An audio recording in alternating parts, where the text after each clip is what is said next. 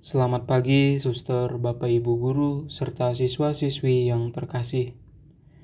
Marilah kita bersama-sama merenungkan sabda Yesus hari ini. Dalam nama Bapa dan Putra dan Roh Kudus. Amin. Allah Bapa yang Maha Baik, segala berkat yang Engkau berikan begitu nyata dalam kehidupan kami. Engkau selalu hadir di dalam kegiatan yang kami lakukan Terangilah kami di jalan yang benar, agar kami setia melakukan kehendak-Mu. Dimuliakanlah namamu kini dan sepanjang segala masa. Amin. Inilah Injil Yesus Kristus menurut Lukas. Dimuliakanlah Tuhan. Pada suatu ketika, Yesus bersabda kepada murid-muridnya, Aku datang untuk melemparkan api ke bumi, dan betapakah aku harapkan api itu menyala.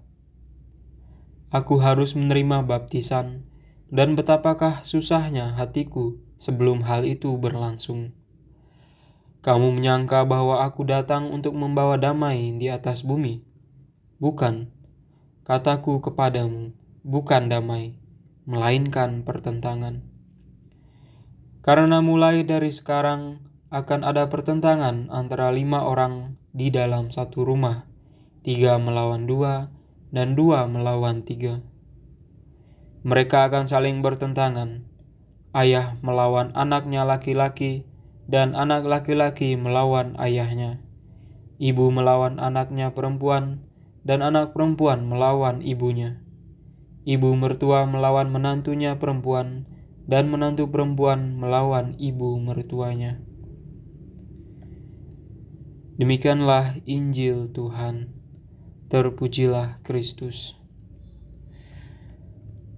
Sabda Yesus hari ini terdengar cukup keras, di mana ia mengatakan bahwa ia datang ke bumi untuk membawa pertentangan dan bukan damai. Bagi kita pengikut Kristus, tentu perkataan Yesus ini cukup membingungkan sekaligus menakutkan. Mengapa demikian? Karena kita tahu bahwa Yesus adalah pribadi yang ramah, lembut, rendah hati, baik, dan tentu saja tiada kepalsuan padanya. Dan lagi, kita juga tahu bahwa pada perjamuan terakhir ia mengatakan bahwa damaiku tinggalkan bagimu, damaiku kuberikan kepadamu. Bagaimana mungkin sosok Yesus yang kita kenal demikian berkata bahwa ia datang tidak membawa damai? Melalui perkataan keras yang disampaikan oleh Yesus, ia memperingatkan para muridnya bahwa setelah ia pergi, dunia akan membenci mereka. Mereka akan diserahkan kepada para penguasa, dipenjarakan, dan dihukum mati. Demikian pula dengan konteks hidup zaman sekarang. Perpecahan terjadi dalam keluarga karena seseorang memutuskan mengikuti Yesus, ditolak dan disingkirkan oleh keluarganya. Tentu ini bukan yang diinginkan oleh siapa pun, namun terkadang pertentangan ini masih terjadi. Dengan pengajaran ini, Yesus memperingatkan kita bahwa siapa pun yang mengikutinya haruslah siap dan berani menanggung resiko.